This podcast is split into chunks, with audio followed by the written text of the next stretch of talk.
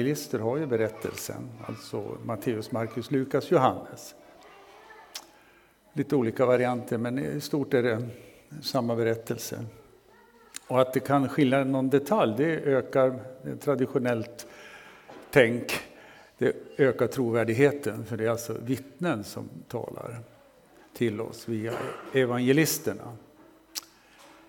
Men ni vet ju det att här var det jubel, klang och jubel. Och folket ropade Hosianna, Davids son. Och gjorde det säkert profetiskt och anslöt till eh, eh kända sammanhang, till exempel den stora gruppen saltarsalmer som går från 113 till 118 som användes av judarna och gör än idag under de stora vallfärdshögtiderna. Då menar vi påsken, pingsten och lövhyddohögtiden. Då sjunger man ut det stora hallel. Jesus använde hallel som slutlovsång när han bröt upp från den sista måltiden och gick över Kidron upp emot Getsemane. Men här ropar också folket ett citat ifrån just Saltaren 118. Hosianna betyder egentligen Ack Herre fräls. Eller Herre låt väl gå. Men det var, det var jubel där. Och det palmviftande och det var sång, sannolikt sång, därför att man sjöng de här Hallelsalmerna.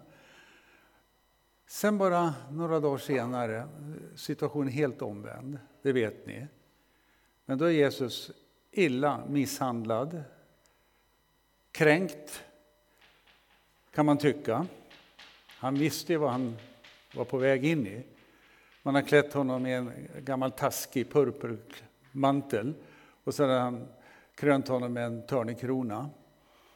Och man eh, ser honom blodig och sargad och ingen ville veta av honom. Lärjungarna stack, de fegade. Och eh, folket skrek nu istället bort med honom. Bort med honom. Så det är en otroligt märklig vändning.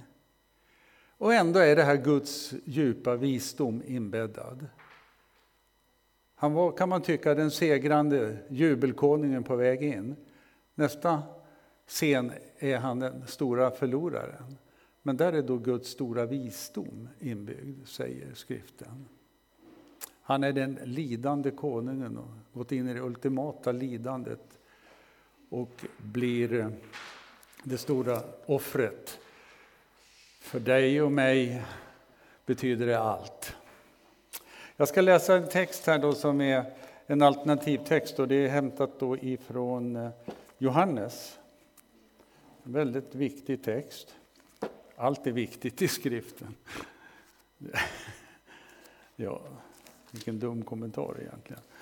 Hur som helst, här är det evangeliet. Om ni vill så får ni gärna stå upp så ska vi lyssna till det heliga evangeliet enligt Johannes 18. Jesus sa, mitt rike hör inte till denna värld. Om mitt rike hörde till denna värld hade mina följeslagare kämpat för att jag inte skulle bli utlämnad åt judarna. Men nu är mitt rike av annat slag. Pilatus frågade, du är alltså kung? Jesus svarade, du själv säger att jag är kung. Jag har fötts och kommit hit till världen för denna enda sak, att vittna för sanningen.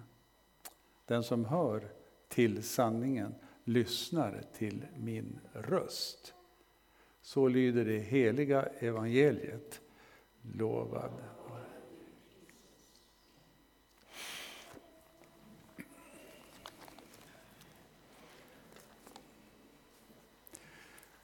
Så här kan jag lägga det om jag vill och säga att jag blev kristen i början på 70-talet. Och jag håller fortfarande på att lära mig. Jag har jobbat i branschen Guds rike, det största företaget som finns vad jag vet. Och chefen, han är bra, som någon sa. Eh, och det har varit väldigt spännande. Jag har jobbat sedan 1975 i evangeliets tjänst. Och eh, Gud har försett oss med det vi behövde och varit på många olika ställen i landet och sett olika församlingar och sammanhang. Eh, så här är det för mig, det är väldigt personligt, bara en liten parenteskommentar här. När man sätter sig ner inför ordet är det som att man inte kan någonting. För det är naturligtvis fel, men, men så kan det kännas. Man får liksom börja om från början varje gång och fundera riktigt rejält. Och så får man ställa de här grundfrågorna i bön inför Gud. Vad är det som ska sägas idag? Och nu har vi valt, då, eller jag valde gärna att gå på adventstemat här. Helt okej. Okay. Ni vet advent som betyder ankomst. Och eh, det är den eh, stora ankomsten som vi pratar om som har ägt rum. Att han blev människa och eh, kulmen är ju då korset. Någon har sagt att graven och korset står väldigt nära varandra. Men han kommer också till oss här på nytt detta kyrkoår. Och då kan vi här var och en fundera över hur vill jag att det här året ska bli tillsammans med Herren? Vi kan ju fundera över hur, hur, hur vart det det här året? Ett väldigt speciellt år som har passerat. Tycker du att du har kommit närmare Gud? Tycker du att du har fått lära känna honom innerligare än tidigare? Tycker du att du har blivit mer brinnande i bönen?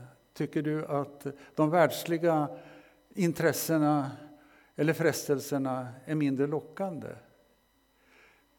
Tänker du mer på människors frälsning genom det här året än du någonsin har gjort tidigare? Ja, man kan ställa de här frågorna. Och så kan man ju få ställa sig frågorna också, hur vill jag ha det nu då?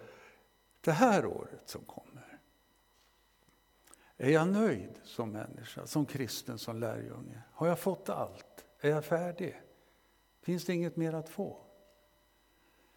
Kan jag alltihopa? Är det självklart, hela storyn? Och då kan jag säga ett varningens utropstecken. Och jag ställer mig själv tillsammans med dig, vi ställer oss allihopa där.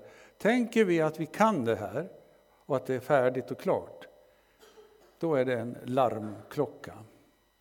Tänker vi att vi vet bäst och att andra hela tiden ska informeras om min stora kunskap i den här saken, larmklocka. Nej, du och jag är här den här stunden kallade att fundera över hur vi det här året kan bli använda och brukade av Gud. Jesus han säger tydligt och klart här i hälsningen från evangeliet här. Mitt rike är inte av den här världen. Och ändå får jag en känsla av att kristna sammanhang, församlingar, gör allt man kan för att bli fästade i den här världen med sina aktiviteter. Att vi kanske tror att vi ska på något sätt imponera på världen och inta den med våra ansatser, med vårt andliga inflytande. Och vi, vi har kanske glömt bort vad Jesus säger. Mitt rike är inte av den här världen. Och han säger också att när ni befinner er i den här världen och vill följa mig så kommer ni bli hatade för mitt namns skull. Det är mycket märkligt. Va? Och så säger också Lukas till exempel, det finns många texter där, som säger tydligt och klart, du kan aldrig få se Guds rike synligt. Det är ett osynligt rike och det här skulle man kunna utveckla mycket. Samtidigt finns det självklart ett andligt skådande där man börjar se det här liksom vore det på plats. Men ändå är det osynligt. Men det är så levande för oss, så det är liksom reellt för den som i tron griper det. Ja, det är mycket att säga om detta, men Jesus öppnar upp här och säger Mitt rike, och det där vackra ordet, det kan vi ta till oss, basileia. Det är ett vackert ord, tycker jag, basileia. Det betyder rike i betydelsen herravälde, inflytande. Man kan säga makt kanske. Och ibland behöver vi definiera de här gamla grundorden på nytt eller påminna om det vi kanske redan vet. Vi vet att Guds rike inte självklart är en geografi eller en särskilt inrutad plats, utan Guds rike är ett konkret tillstånd. Eller förenklat uttryckt, det är min egen lilla enkla tanke. Guds rike, det är det som har med Gud att göra. Den Gud som är definierad på ett eller annat sätt och beskriven i Gamla Testamentets böcker och hela Nya Testamentet. Allt vi möter där har med Guds rike att göra. Det är ett stort brett fenomen, det har med Gud att göra. Det som har med Gud att göra. Och när Jesus öppnar munnen så handlar det om Guds rike. När Gud handlar genom Jesus Kristus, eller när Jesus handlar, så är det Guds rike som är för handen. Ett annat sätt att uttrycka det kanske lite enkelt är att säga att Guds rike handlar ju helt enkelt om den helige Andes konkreta inflytande här i världen. Och där önskar vi naturligtvis att väldigt många människor kommer till tro på Jesus Kristus och kommer in i inflytandet påverkad av den helige Ande, eller riket. Guds herravälde, Guds basileia. Och han är då kung i det här speciella tillståndet som vi kallar för basileia eller riket. Han är kung där. Och ordet kung heter basilevso, så det är precis besläktat med basileia. Och att regera handlar om detta, då, att vara en slags konung som har ett konkret inflytande över området, riket och dess undersåtar. Och du och jag är en slags undersåt i Guds rike. Vi tillhör honom och han har rätt att ha åsikter om vårt sätt att leva. Och han vill stödja oss i det. Och vi utgör då ett konungsligt prästerskap. Hör du? Konungsligt prästerskap. Kungar och dött, kungar, ja det kan vi säga, kungar och drottningar. Mitt rike är inte av den här världen. Om mitt rike vore av den här världen hade mina tjänare kämpat hör du, för att det skulle etableras här. Men nu är det inte där. Det är ett främmande påslag utifrån världens sätt att tänka. Och när världen möter Guds rike, det är två olika riken som krockar här. När världen och dess regemente, det är alltså den ogudaktiga mänskligheten som är präglad av ja, uppror och motstånd mot Gud. Det är ett begrepp som vi möter i Nya Testamentet, världen. Det är inte i första hand då eh, skapelsen och jorden, jordklotet eller samhället, utan det är den andemakt som finns och har grepp om människor som inte vill ha med Jesus att göra. Och den makten, den är väldigt påtaglig och den möter då Guds rike och där blir det ofta en bränning mellan gränserna. Det är en frontlinje som man inte ska förringa, för den kan du känna av i kanske till och med din familj. En del har det så. Kanske i arbetet där du befinner dig på vardagarna. Kanske i skolan. Det är många ungdomar idag som har det ganska tufft och som när de vågar, vågar säga att de tillhör Jesus så kan det hända saker i, i klassrummet. Alltså det blir reaktioner, reagenser. Vad är det som gör att e- e- ett annat tillstånd, världen, reagerar så negativt på något så positivt som Jesus Kristus står för? Det kan man ju fundera över. Mycket märkligt. Ja. Vi går vidare lite kort här och säger frågan. Han behövs. Den bör ställas. Behövs han menar jag. Förlåt mig, jag uttryckte mig lite konstigt där. Behövs Jesus? Ja, han behövs. Här skulle man kunna dra en räcka och det ska jag göra väldigt snabbt. Bara braka rakt igenom. Det här är fruktansvärt negativt egentligen, men det är bibelordet i hög grad, men också världshändelserna. Världen är i nöd, kan vi nog gott säga. Inte bara nöd, det finns mycket gott kvar ännu. Men vi behöver väckelse och då menar jag att människor behöver komma till tro på Kristus. Det är alltså kyrkan som talar så. Alla tycker inte alls så. men Kyrkan tycker så, normalt i alla fall. Normalkyrkan tycker att det är viktigt med väckelse, att människor får komma till tro. Och ibland, det händer att människor gör det och det är vi väldigt glada för. Vi har inte sett så jättemycket. Jag har jobbat här i fem år nu, kan jag säga, lite drygt, i den här församlingen. Jag har inte sett så väldigt många människor komma till tro i klassisk mening. Men gärna, välkommen om du är i rummet. Det händer kanske på andra håll, men i Sverige är det nog lite si och så med den där väckelsen. Men vi, gillar den. Och när den inte är på plats är det tråkigt. Eh, de sista 20 åren så har 38 procent av frikyrkoförsamlingarna lagts ner. Bara lagt ner. Sålt undan sina bönhus. 38 procent de sista 20 åren. Så det finns också tecken på snarare något annat i Sverige, ett kraftigt avfall. Och det kan man ju skåda in i, det stora avfallet. Och här finns, nu kommer texterna här, laglöshet, kriminalitet, social nöd, missbruk, folk mot folk, krigshot, terror, förföljelse. Parentes. Den kristna gruppen är den religiösa grupp i världen som är mest och värst förföljd av alla. Och siffran är cirka 260 miljoner människor. Grov, kraftig förföljelse. Och det är framförallt i muslimska länder och det är Indien med hinduiska nationalister som är verkligen på dödar folk för att de tror på Jesus.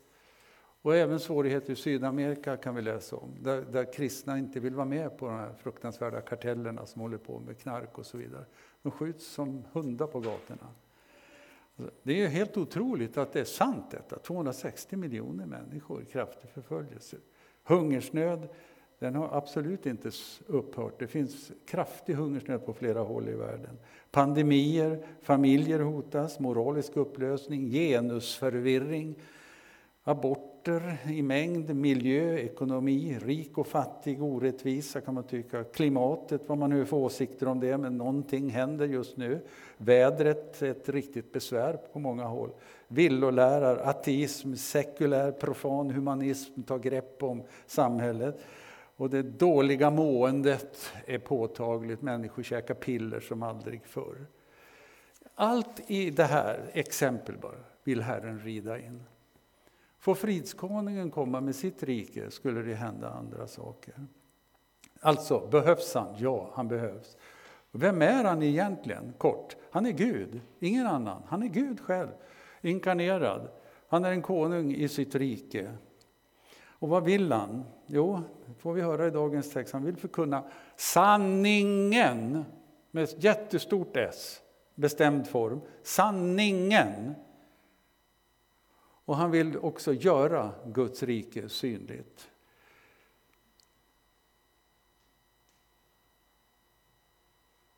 Om man tittar efter i Nya Testamentet så är det väldigt uppenbart att han arbetar på det sättet. Han förkunnar och manifesterar, gör underbara ting som signalerar om att någonting är på gång, som inte är av den här världen, men som en gång ska komma helt och fullt.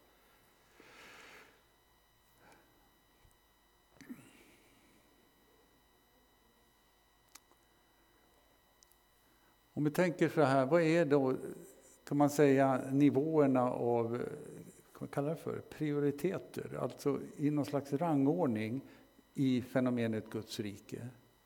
Jag skulle nog vilja sätta på första plats där, det är syndernas förlåtelse. Och om det här känns som riktigt mossigt och gammaldags, då behöver vi faktiskt göra en typ av reflektion över vad vi tänker kring kristen tro. Det här är det stora, viktiga som händer. Korset och poängen med korset. Att Gud i Kristus kan befria dig och mig från syndens skuld. Det här är jätteviktigt, jag säger. Vi kommer fortfarande, fast vi är förlåtna, känna av att vi har ett kött, ett motstånd i vårt inre som liksom är lite mot anden.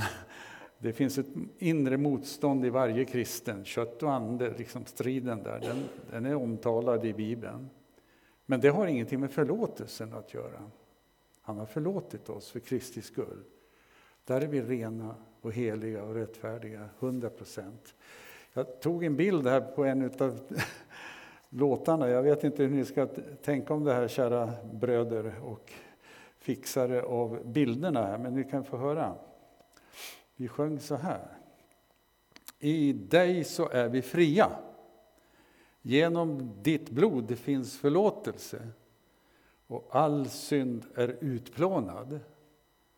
Genom den nåd vi gav. Det är nog ett S som saknas där. genom den nåd vi gavs. Så kära bröder där bakom, sätt in det S-et. Eller om det ska vara genom den nåd du gav. Men jag vet inte, reagerar ni på det? Här satt ni och sjöng för full hals. Genom den nåd vi gav. Heja församlingen. Nej. Men så tänkte jag, det var liksom petitessen, men jag tycker det är viktigt petitess att det står korrekt på en sån viktig sanning. Men här står det då. I dig så är vi fria, genom ditt blod finns förlåtelse. Amen. Och all synd är utplånad. Ja, men det behövs en liten förklaring där. Om du nu är ärlig mot dig själv, tycker du att ditt inre liv, allt vad du står för, allt vad du råkar säga och göra, är fullständigt befriat från all synd? Kan du, kan du ibland känna att det är något som blir fel där inne? Alltså är det inte utplånat, vad, vad, tänker vi då, då i så fall? Jo, man måste göra den där skillnaden. Det här är liksom katekes, ABC. Va? Inför Gud är du och jag förlåten 100 procent genom Jesu död och uppståndelse. Tack och lov. Det sjunger vi om och då är vi med på banan. Där är vi alltså helt förlåtna. Synden är utplånad. Vad sa Johannes döparen när Jesus kom knallande där?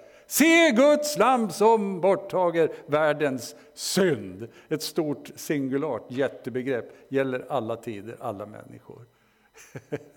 Det är så otroligt konkret borttager världens synd. Korset, pang!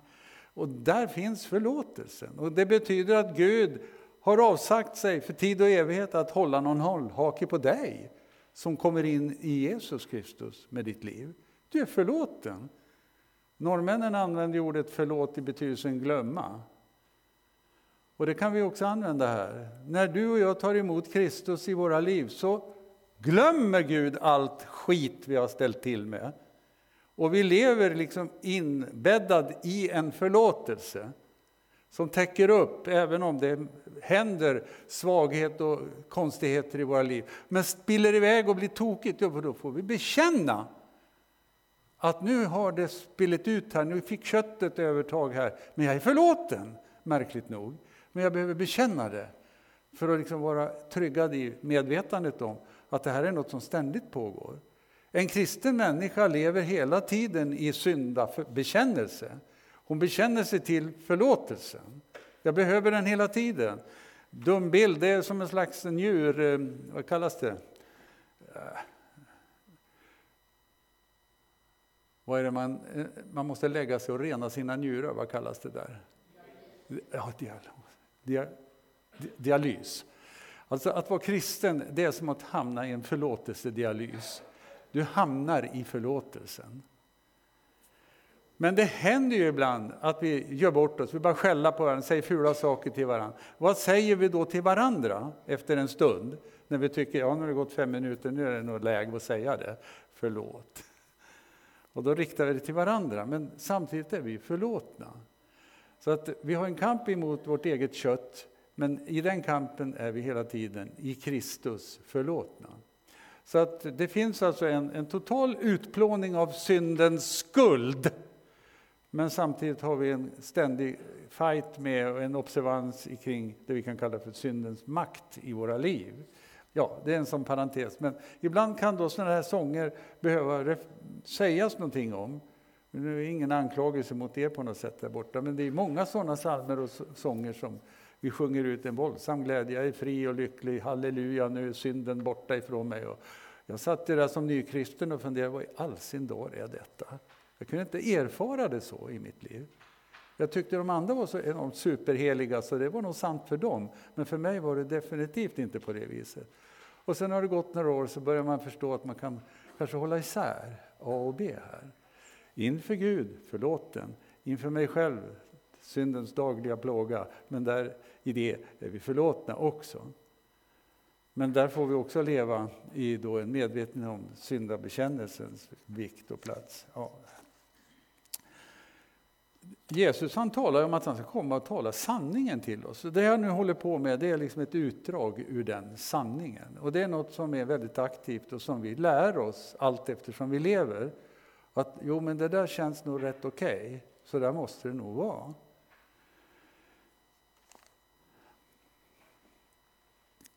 Alltså igen då, och jag är bara inne i en typ av avslutning här, men jag vill säga då att vad är det som, som finns i graderande betydelse då i, Guds rike? Nummer ett igen alltså, syndernas förlåtelse. Och tänk så viktigt det är för den människa som verkligen har gjort något som i mänsklig mening är riktigt illa. Då, då, känns det extra betydelsefullt att man ska kunna få visshet om att man är förlåten. Tala med en man som har suttit på kåken ett antal år och gjort verkligt grova grejer. Tänk att han får landa i att han är förlåten. Jag har sett människor börja gråta när de hör att det här är inom räckhåll. Och det här är så jätteviktigt. Jesus är ju ute efter att ge oss visshet över att vi är förlåtna. Det där vackra ordet visshet. Visshet om syndernas förlåtelse. En dag så ska du och jag ligga där på vårt yttersta och då är det bara en enda sak som gäller. Är din synd förlåten? Hur ska du kunna veta att du är förlåten?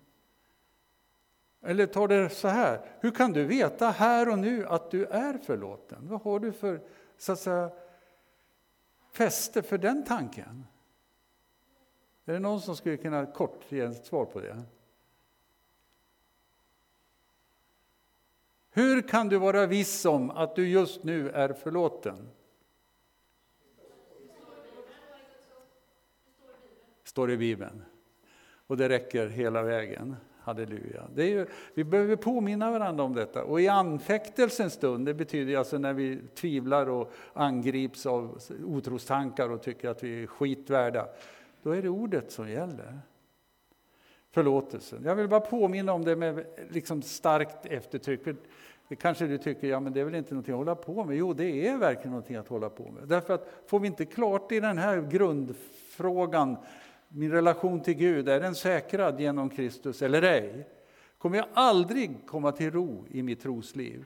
Och då hamnar jag lätt i att jag måste åstadkomma en massa saker för att få till det. Jag måste göra någonting. Eh, och så hamnar jag i det man kallar för lagiskhet.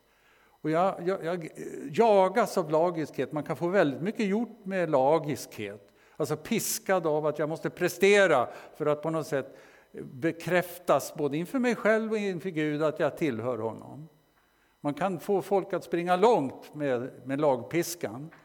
Men nåden i Kristus är mycket mera kreativ än vad lagen kan åstadkomma. Och nåden i Kristus vill få oss fria här. Och det är återigen visshet om syndernas förlåtelse. Jag skulle kunna berätta många exempel men det, tiden hinner inte. Men jag hade personligen i alla fall en kamp när jag var nykristen. För jag hade gjort en, en hel dumheter innan jag blev kristen. Och det här kom över mig i en period av, jag låg i säng för jag hade en kraftig influensa.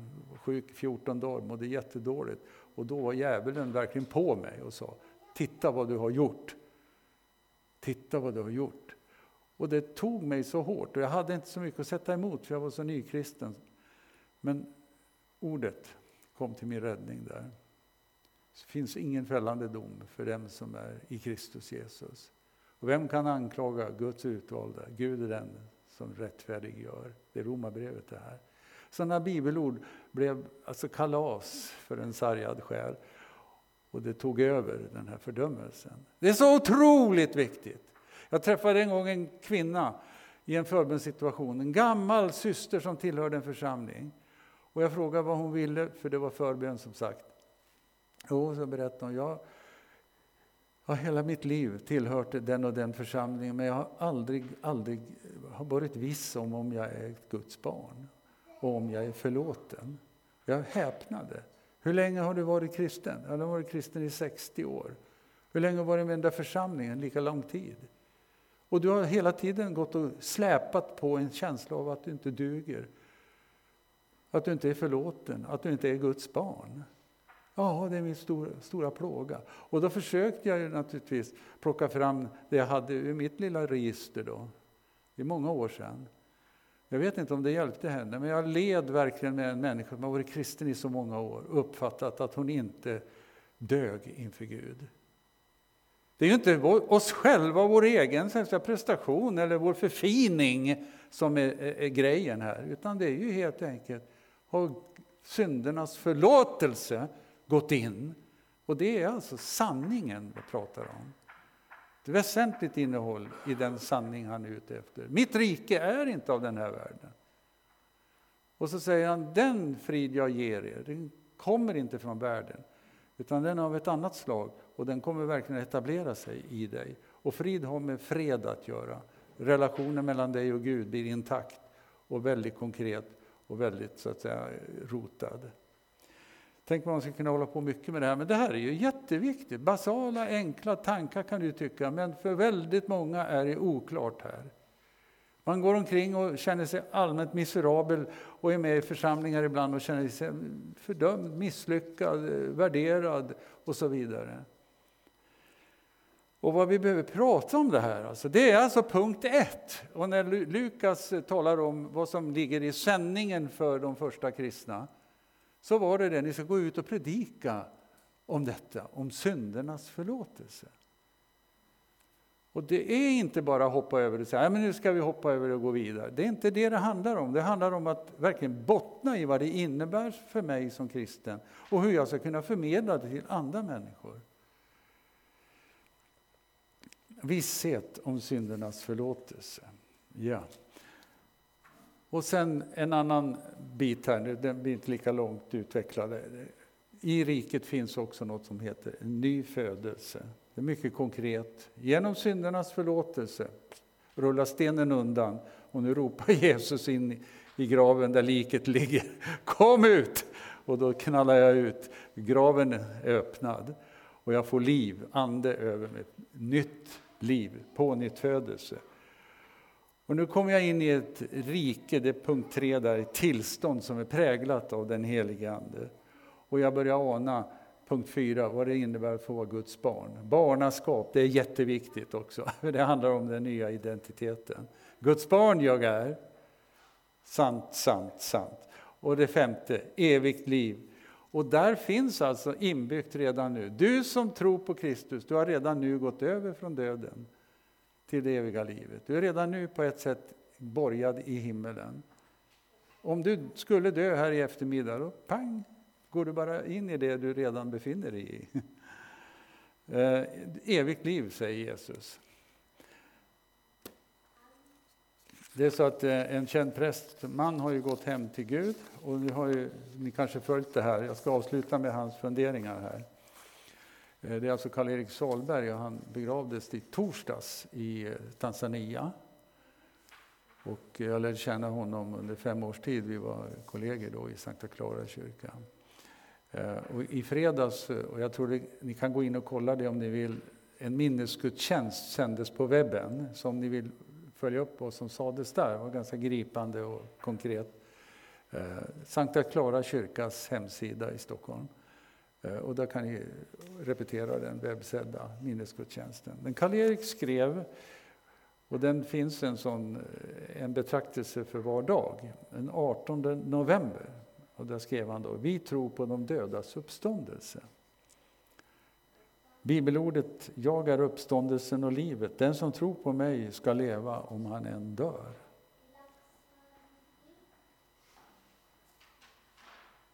En dag dör vi alla.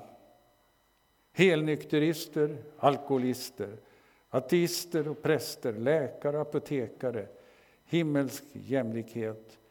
Jag tror att en kristen efter sin död kommer till en plats som vi kallar himlen. Varför kan jag tro det? För det första därför att Bibeln säger det. Jesus har sagt det. Jag är uppståndelsen och livet. Den som tror på mig ska leva om han än dör.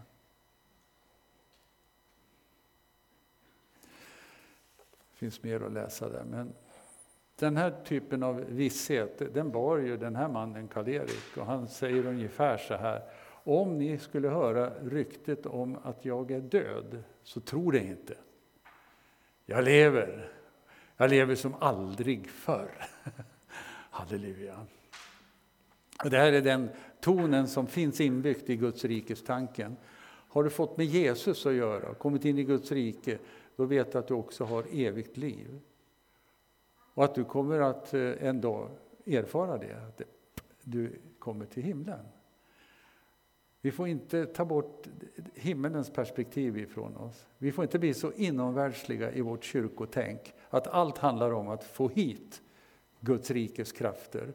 Du får problem med bibeltexterna om det ska drivas för långt. Självklart vill vi se Guds rike manifesterat på olika sätt ibland oss. Men det finns också gränser. Mitt rike, säger Jesus, är inte av den här världen. Det är ett annat rike han talar om. Och där är han kung. Och där får vi vara undersåtar. Och sen en dag, så här tolkar jag min lilla lära om de yttersta tingen. Att varje människa som lever och dör och tror på Jesus flyttar hem. Hur det går till rent konkret, det vet jag inte. Men kroppen är kvar på jord och läggs på ett eller annat sätt till förmuttelsen. Men anden, och Jesus säger till rövaren på korset, han som sa Tänk på mig när du kommer i ditt rike. Vad sa Jesus då? Ja, idag ska du vara med mig i paradis. Konkret. Du, alltså en person, en identitet. Du ska vara med mig i paradis. Med mig! Jesus och rövaren. Vilket underbart frälsningsmöte. Man brukar kalla det där för rövarnåden. Han hade ju ingen CV alls att komma med den där rövaren. Han sa bara tänk på mig. Det var inget långt hejans bönemöte i tungotal eller vad det nu var. Och först 20 minuters lovsångsteam. Utan bara tänk på mig. Ja, du är med mig. Fantastiskt alltså att det är så så enkelt och ordnat. Det finns alltså ett sånt läge för varje troende. Och så kroppen då, ja, den har vi ID-märkt då i Jesu namn genom dopet. Så det tar Herren hand om. En dag ska han ju komma tillbaka, heter det i skriften. Och då ska ju de döda ge igen sina kroppar. De ska stiga upp ifrån alla möjliga ställen där de har hamnat, kropparna. Och så, det här är bara mitt eget alltså. Funderingen är, är det så då att den andliga människan som är hemma hos Jesus i paradiset återförenas med en uppståndelse, en förnyad kropp som ska gå in i en helt ny skapelse. Himlar och jord ska förgås, brinna upp, ja, men något nytt ska komma, en ny skapelse. Det är det här vi tror på, den kristna kyrkan, och har gjort i alla tider sedan vi startade upp det, Kristus. Ja. Det finns mycket, mycket mer att säga, men nu får vi avsluta det här. Vi kan inte hålla på hela dagen. Här. Ska vi be tillsammans? Att du, Herre, låter ditt ord på ett eller annat sätt nu få grepp om oss. Och vi ber också för var och en som är i rummet här att vi kan få gå in i ett nytt kyrkoår med förnyad frimodighet. Och hjälp oss, Herre, att leva i din sanning. Hjälp oss att göra precis det du sa, att vi ska ta emot allt som du har sagt. Och Herre, bevara oss ifrån begränsningar, försnävningar, förenklingar. Hjälp oss Herre att vara lärjungar på riktigt Herre och bara lära känna dig, nära dig, i ditt ord, i gemenskapen med dig. Vi tror också på den helige Ande, en helig allmännelig kyrka, det heliga samfund, syndernas förlåtelse, det dödas uppståndelse och ett evigt liv. Ära vare Fadern och Sonen och den helige Ande, så som det var av begynnelsen, nu är och skall vara, från evighet till evighet.